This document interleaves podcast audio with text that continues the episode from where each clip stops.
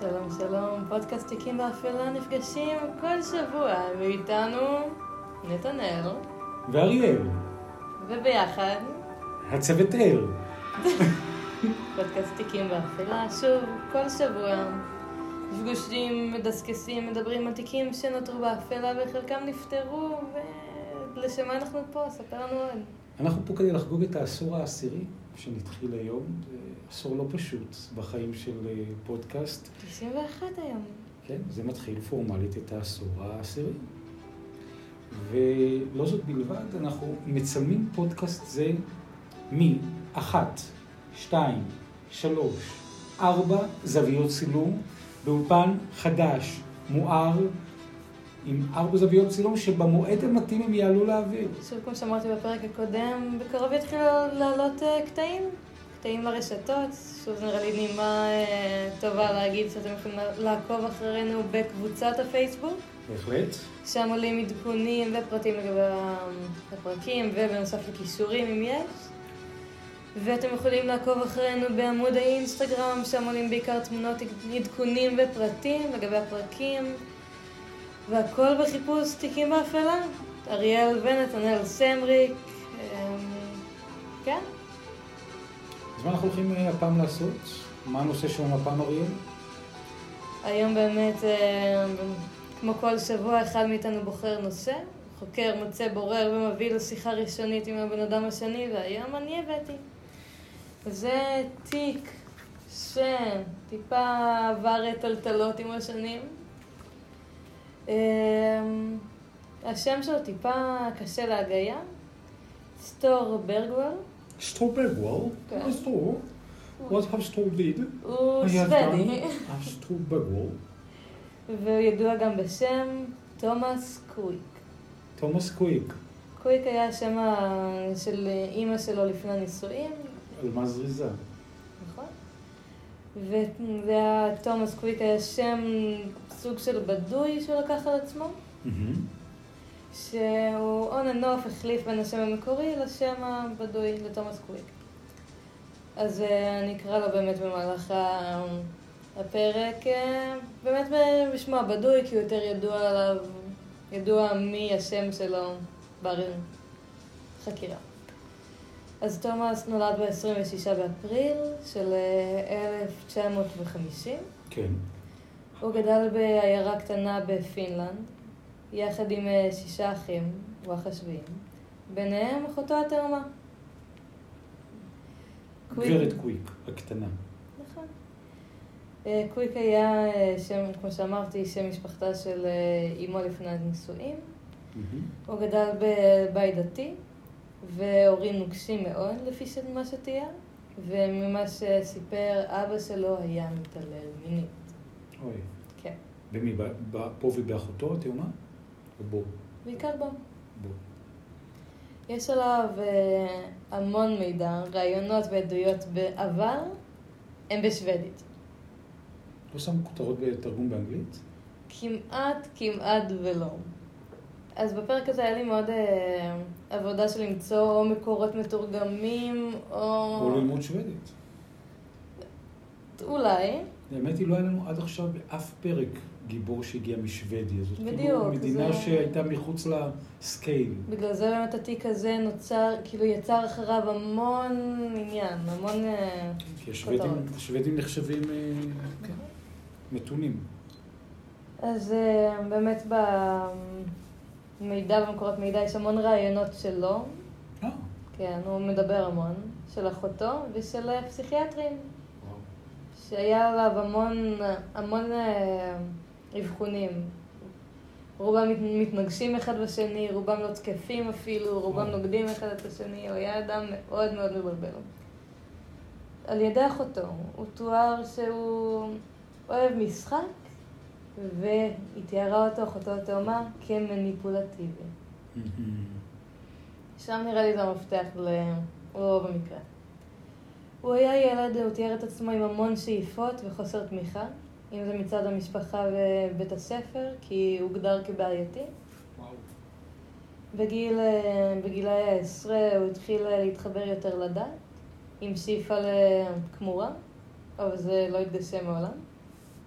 הוא סיפר שבגיל העשר התחיל לצרוך חומרים כמו גזים למיניהם, גז של מזגנים וכולי. למה לא להדליק פשוט את המזגן? בשביל. מה הגז? וכשהתבגר התחיל לצרוך באמת סמים אמיתיים. Mm, ההידרדרות. נכון. אוקיי. בגיל 14 באמת פענח את אה, נטייתו המינית, ושנמשך לגברים. הבנה מאוד בעייתית עם החלום שלו לכמורה ובגלל המשפחה הדתית שלו. אה, ובגיל 19 הוא התחיל לעבוד אה, כעובד כללי בבית חולים. זה, העבודה הזאת זה בעיקר אה, עזרה לעובדים הקיימים, לא מקצוע מבוסס של אח, אלא רופא, פשוט לתמיכה בעובדים. ואחרי קצת זמן בעבודה, שוב, בגיל 19, הוא נעצר על תקיפות מיניות של ארבעה נערים צעירים, אוי. וניסיון רצח לאחר שניסה לחנוק את אחד הנערים שהטריד. אה, קוויק אה, התאשפז בבית חולים פסיכיאטרי איך? ביוזמתו או שפשוט עצרו אותו ו... כחלק מהמשפט, אוקיי. ובגלל הטיפול עוד לא הונפק נגדו כתב אישום. לא הונפק כתב אישום? לא. וואו. זה היה כהליך משפט. באמת, כאילו, אושפז אה, לאחר... אה, כאילו לא, לא אחראי למעשיו, צריך טיפול פסיכיאטרי, ניסיון רצח, אפשר לשקם. יד יד יד, נכון. וזה היה באמת, כמו שאתה אומר, לפי הערכות של פסיכיאטרים, שעבר בזמן החקירה. ההערכות היו לא אחידות בין המאבחנים, בחלק תואר כפדופיל, ובחלק נאמר שיש לו בעיה עם מיניות מגיל קטן. אה, בסוף אובחן בהפרעת אישיות אנטי-סוציאלית, שמתאפיינת בהפרת נורמות חברתיות או אי-הבנתן, חוסר אמפתיה ותוקפנות. בנוסף אובחן באישיות שאינה תואמת את גילו הביולוגי. מה זאת אומרת? יכול להיות אדם מבוגר, ומה שבהתפתחות הקוגניטיבית או המחשבתית היא של אדם צעיר יותר או מבוגר יותר. זה תלוי. באמת. הם איתם. נכון. ב-1974 בבית החולים קוויק דוקר מאושפז בטענה להשפעת אלכוהול. סיטואציה מאוד מוזרה שאפשר להגיע אליו בבית חולים פסיכיאטרי. אה, גם ההתפרצות הזאת לא הופיעה בכתב האישום. בנוסף, אה, הוא משתחרר מאשפוז לאחר כל המקרים האלה וחוזר ב-1990. אחרי שביצע שוד מזוין, שוד מסיבה מחמירה, עם שותף בן 16. Hmm. בבית החולים שם אובחן בהפרעת, אישי... בהפרעת אישיות דיסוצי... דיסוציאטיבית, פיצול אישיות, כי סיפר למ... למאבחנים כי יש לו קולות ואישיויות שונות בראש. עכשיו, לך תדע אם זה באמת נכון, או זה המניפולציה נכון? מאוד. הוא סתם מספר סיפור, לא סתם, אבל אם הוא... בהמשך גם. נראה שיש לו יכולת מאוד משכנעת לדבר. כריזמטי. מאוד. אולי אפילו מספר סיפורים, זה גם. העניין. מצבו באופן תיאורטי השתפר. באשפוז אה, ואחרי כמה שנים קיבל זכאות לגור מחוץ לבית החולים תחת השגחה.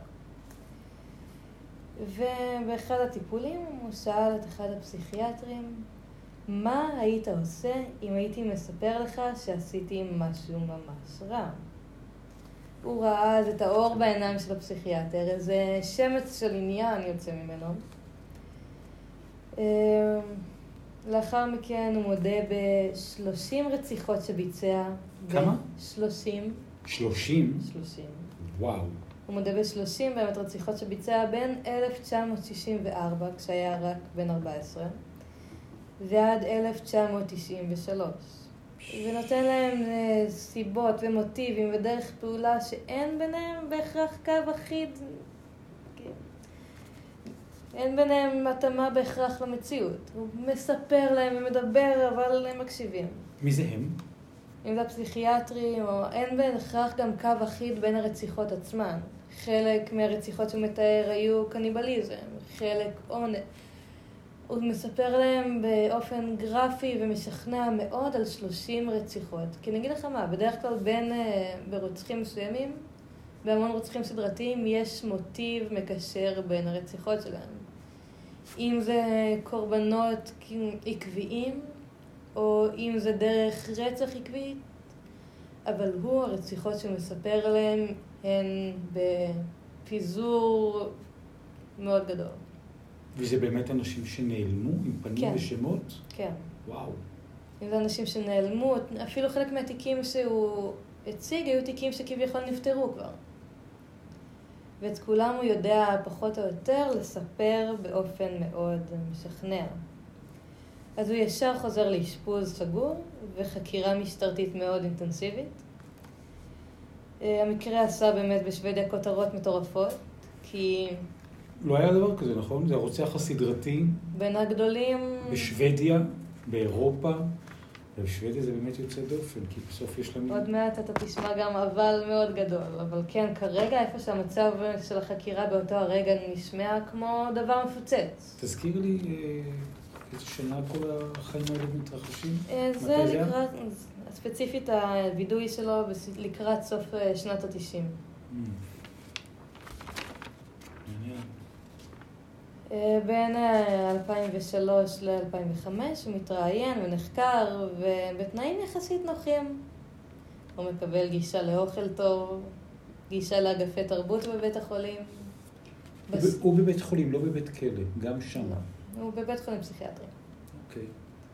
אז הוא באמת מקבל גישה לספרייה, ובאחד המקורות שהקשבתי להם, דיברו על זה שהיה שם אה, איזה אחד הספרים בספרייה שהוא מצא וקרא, היה לאנשים אה, במחאות פסיכיים. שזה אנקדוטה מעניינת, למה ספר כזה יהיה באגף סגור של מחלקה פסיכיאטרית. כדי לתת להם כלים. מה הלאה? אמ, כאן באמת שוב נכנסת עוד שאלה של מה הגורם שהעלה לקוויק את התנאים? למה עכשיו, כשיש נגדו האשמות מאוד גדולות, מה נותן לו את הפריבילגיה לקבל תנאים יותר טובים מאחרים? שהוא בבית חולים פסיכיאטרי. כן. יכול להיות שזה, יש אגב אה, בהקשר הזה סעיף משפטי שנקראת, אה, אי שפיות. במובן זה שהבן אדם לא אחראי משפטית למעשיו, ואז כולאים אותו במרכאות, כי זה לא אותם תנאי כלא, במחלקות סגורות, במחלקה סגורה פסיכיאטרית, וכמובן תנאים אחרים לגמרי מאשר כלא, אבל אומרים הוא, הוא לא שפוי, ואז הכלא לא באמת יהווה אמצעי ענישה ואכיפה. נכון, מה שאני חושבת זה רמת המסוכנות שלו השתנתה, כן. וגם התנאים שלו. אה, בחקירה התגלו שלא היו שום ראיות שקושרות אותו למקרים והעדויות שלו. הנה האבל מקודם. העדויות שלו היו לוקות בחסר, או מנוגדות לחלוטין, ולאמצעים, לממצאים הקיימים. הוא אמר משהו, אבל הדברים שנמצאו בזירת הפשע היו לא קשורים, היו מוצאים DNA של אדם אחר לגמרי. שזה מעלה המון סימני שאלה. אה, אבל בכל זאת המשטרה סגרה תיקים, והוא הורשע בשמונה רציחות, וישב אפילו בכלא. לתקופה. הפסיכיאטרים טענו שהוא עבר תהליך שבו זיכרונות מודחקים פתאום צפו אצלו ולכן הוא הודה. כי, שעוד נקודה מעניינת שקראתי עליה, בדרך כלל זיכרונות מודחקים, זיכרונות שאתה שוכח, או שהמוח יוצר מחסום ממקום טראומטי. אם הוא עבר טראומה ברציחות האלה? לא יודעת. אה, לציבור אה, מתחילים באמת לעלות סימני שאלה. שוב, מסתכלים על הפרטים ורואים שהרוב לא תואם. אה, שרוב העדויות שלו באמת לא תואמות לממצאים, שוב, שמצאו בזירות. וב-2008 יוצר אה, דוקומנטרי מחליט אה, להציף את הנושא ופותח מחדש את כל התיקים. וואו. כן, באמת? כן. הדוקומנטריסט, מעניין. אין כמו... לפעמים בתקשורת יש ממש כוח מרפא. נכון. סגירות מעגל, סבבים. במחקר הוא מראיין את קוויק, שמודה בפניו, אתה מחזיק חזק? רגע, אתה יושב, כולם מחזיק חזק? יושב ומחזיק חזק. שמה? קוויק מודה בפני אותו דוקומנט... דוקומנטריסט, ש... שהמציא את הכל. די. כן. החוקר פרסם ספר על קוויק. החוק- החוקר הדוקומנטריסט. כן.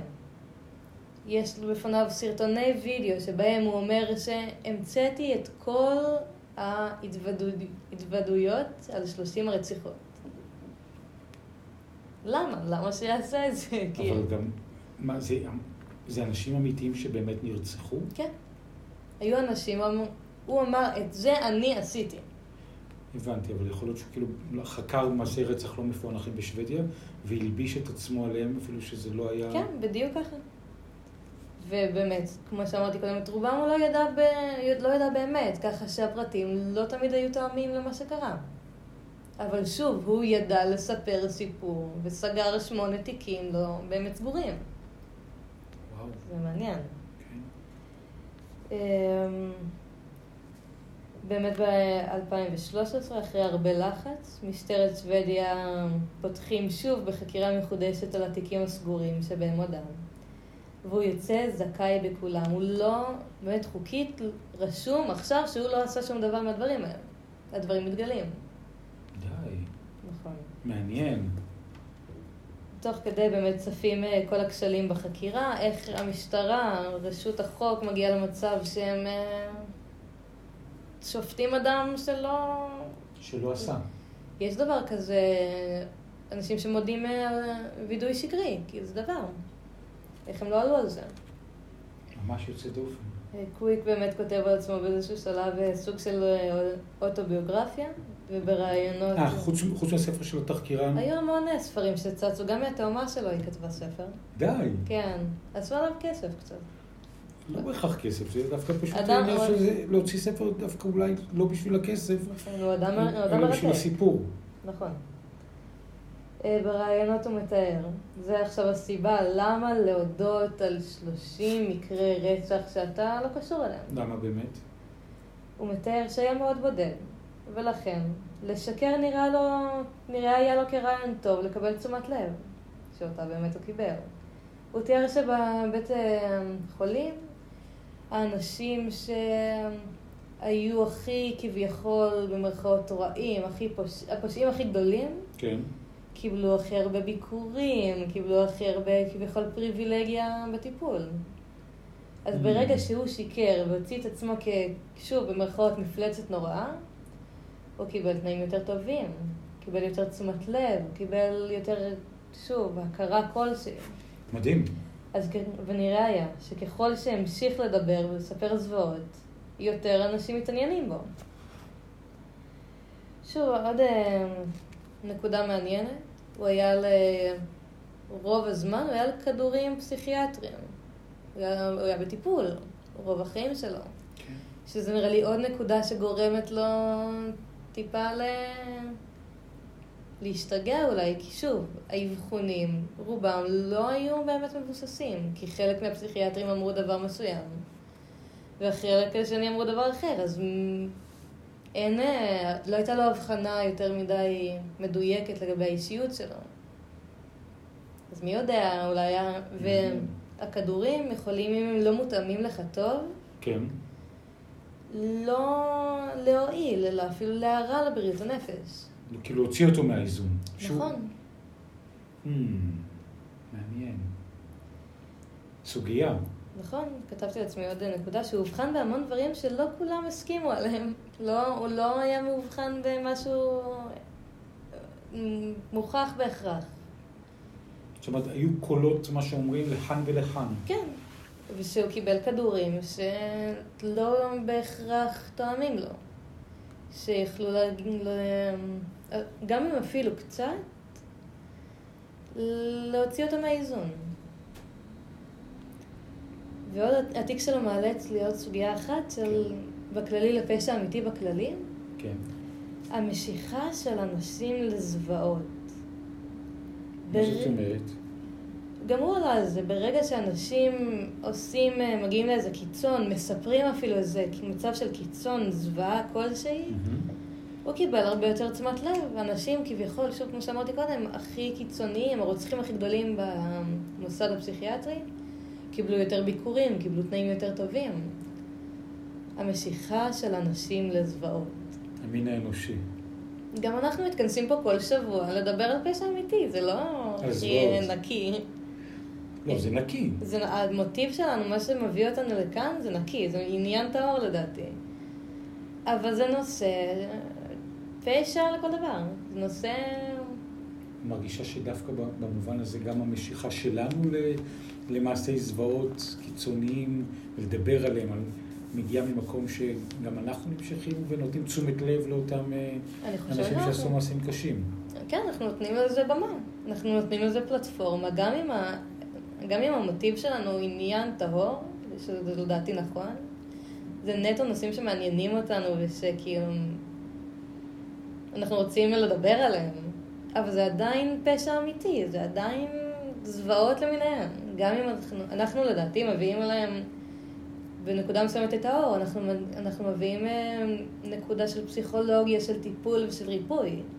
שזה לדעתי מה שאנחנו מחדשים, אבל התכנסנו לכאן כדי לדבר על פשע אמיתי. אז באמת לפתוח את זה לרמה האנושית, לאנשים יש עניין ב... בנושאים האלה, בפשע, בנומך. גם אם אנחנו, שוב, כמו שאמרתי קודם, מביאים לזה את האור במובן מסוים. מונחים של ריפוי, של השלמה, של טיפול. עדיין באנו לדבר, אנחנו מתכנסים כאן לדבר על פשע. מה אתה אומר? כן, יש בזה, יש בזה הרבה מהצדק. זה משהו שאנחנו לגמרי, לגמרי שמים זרקור של אור ההיבטים היותר רגשיים, אישיים, נפשיים של האדם. וכן, אנחנו נמשכים בהקשר הזה, גם אנחנו ככה כפרפרים אל תוך החושך המוחלט. יש בזה נכון. בתוך זה. מה אתה אומר על התיק? התיק הוא מדהים, יוצא דופן. שאלתי את עצמי אם מתאים לך למצוא איזה קטע בווידאו, אה, אם זה אפשרי. אפשרי לגמרי, יש... ואז אה, להראות אה, איזה קטע אפילו מתוך המכשיר שלי. הקטע שנראה זה יהיה בשוודית, אבל הוא יעלה לפלטפורמות, באמת, תוכלו גם לראות את הפרצוף שלו. כי בסך הכל, הבן אדם נראה כמו סבאלה כזה, חמוד. יו. הכל בסדר. משהו זז. אנחנו נמצאים פה בתוך אה, אולפן, וחלק מתוך מה שקורה בתוך האולפן זה שבין היתר מדי פעם אנחנו שומעים קולות של אה, רוחות שמגיעות אלינו ממאות שנים אחורה ומלוות את ההקלטה כאן. קודם כל תראה את התמונה שלו. תראי. סבא. תראי למצלמה גם, וואי, מדהים, יש פה, קחי לצורך העניין, את יכולה לראות לכל אחת מהן. יש פה הרבה מצלמות. אחת. שתיים. כאילו עושה פה סבב מצלמות. הוא נראה כמו סבא לחמוד. כן. לדעתי, הוא נראה... הוא נראה סבא לא מזיק. לא הייתי בן אדם שהייתי רואה אותו ברחוב ואומר, המפלצת הטהורה. שאני אחפש אותו באנגלית, שנותן יותר... כן. עכשיו עוד דבר אחד מדהים בתוך, ה, בתוך הסיפור הוא ההפכפכות, ממקום של אדם שמגיע לסיפור של אני הרוע המוחלט, לבן אדם שמגיע ואחר כך מספר סיפור ומשכנע את כל העולם, אל בן אדם שבא ואומר, אני הרוע המוחלט, ואחר כך הוא בא ואומר, אני אתם יודעים, הטוב המוחלט, אבל אני בעצם, כל מה שסיפרתי זה, זה לא נכון. לא היה, לא נברא, אה, לא מיני, לא מצטטי, אז זה, זה מעניין. תחפשי את זה בסרטונים. הוא גם לא אומר שהוא הטוב המוחלט, הוא פשוט אומר, וואלה, לא עשיתי את זה, זה לא... אני עבדתי עליכם גם מבחינת הפשעים שלו. הוא אמר בתוך הקטעי וידאו שאת ככה גדולה עכשיו כדי להציג אחד, הוא אמר למה הוא עשה את זה? זאת אומרת, את משערת שזה היה בשביל תשומת הלב ובשביל השדרוג. כן, הוא מתאר שם שהוא הרגיש בודד, הוא ממש הרגיש לבד. והוא מתאר שם בסרטונים שהוא ראה את תשומת הלב שמקבלים הפרשים האחרים. הנה אני שמה סרטון.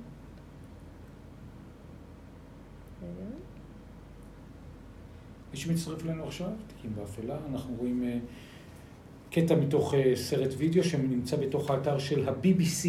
זאת אומרת, היה באמת, uh, כמו שאומרים בעברית, World Sensation, בואו נראה. סאונד. Hmm, מעניין. מה כתוב, מה כתוב שם? התוכן כרגע הוסר בגלל שהוא קשה מדי. כנראה. אוקיי, אז נחפש קטע אחר. יש, זאת אומרת, קטעים רבים, נראה קטע וידאו אחר, שהוא אני קטע רוצה שבאמת... למצוא קטע שלא מדבר. יש פה המון סרטונים שמתארים באמת את הבן אדם, מי הוא היה. שהוא עצמו מדבר. כן. אם אני אמצא קטע, הוא יעלה ברשתות? נשמע לי מצוין, אנחנו נחכה, דווקא נראה לי ש... ששווה רגע? אחד לשמוע את זה כדי לשים את, לשמוע את חותמת הקול שלו והמראה שלו והווידאו שלו. ותוך כדי זה, אם לכם אגב יש אה, שאלות, אפרופו הסיפור המדהים הזה שהגיע משוודיה, אתם מוזמנים אה, כמובן להשאיר אה, את השאלות ואת הפרטים, ואז אנחנו נוכל לענות עליהם, בבקשה. ואחד מהם מוריד את הפרסומת שהיא לא תיכנס מבחינת סאונד. seriemördare efter att han erkänt och dömts זה för לא åtta הוא, זה heter det. מראיין, Eh, Där han כרגע ger sin syn på hur det kunde gå som det, ja, hur Jag det tycker kunde gå det som hade det gick så att säga. förändrats lite Eh, Han mer. erkänner mord han inte har begått och så vidare. Vi ska prata om det men också så fascinerande. på Stures eget ansvar. Okej. Bara jag vet vem jag är heter den. Eh, Där han ger sin Som syn det på måste hur det man- kunde gå det som finns det, ja, hur det kunde gå som det gick så att säga.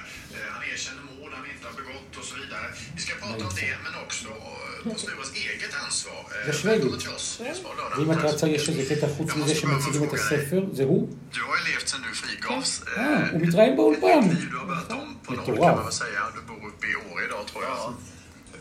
Hur- är det fria livet? Hur הוא. אוי, מה נלחץ? יכול להיות שנלחץ איזה כפתור. Hur känns det att vara en fri man och, och, och hur förflyter dagarna? Det känns naturligtvis väldigt bra. Jag brukar säga att eh, eh, det är inte friheten som är סבא... מבחינת הלבוש, מתלבש väldigt gott. Och nyfunna vänner och en stor släkt som jag umgås flitigt med. Och פריץ זה חופש, זה אפילו אני יודע בשוודית, אז הוא באמת, ואני פרילון. זה באמת מדהים ויוצא דופן, כל, ה, כל הסיפור הזה. אריאל. מילות הסיום שלך, תובנה שאת ככה לוקחת מתוך הפרק הזה? נראה לי העין הביקורתית, זה משהו שלא נראה לי העמקתי בו הפרק. באיזה בחינה? אה, אפשר להתייחס, להתייחס לזה בפרק מבחינת הרשלנות של המשטרה, או של הפסיכיאטרים אפילו. לא בהכרח להיות בחרדה של מה אומרים לכם כל הזמן, כולם משקרים, לא, לא לחשוב שכולם משקרים לכם, אבל להקשיב ולהבין. כי כאן זה נראה היה לי בחוכמות הבדיע- הבדיעבד מאוד ברור. אם הדברים שהוא אומר לא תואמים למקרה הפשע שקרה במציאות, בראיות, אולי זה לא נכון? אולי צריך אה, לפתוח אה, שוב עין ביקורתית. לפתוח עוד תיק באפלה. אולי. מעניין. לגמרי. אריאל סמריק היה, כמו תמיד, לעונג גם איתי. תודה שפתחת את העשור העשירי בחיינו הפודקאסטיים המשותפים. ותודה לך שאתה פה כן. ומקשיב כל שבוע. ותודה לכם, לחדשים, לישנים, למקשיבים, ל- ומה שביניהם. תודה רבה לכם. שבוע הבא, נושא חדש, תיקים באפלה.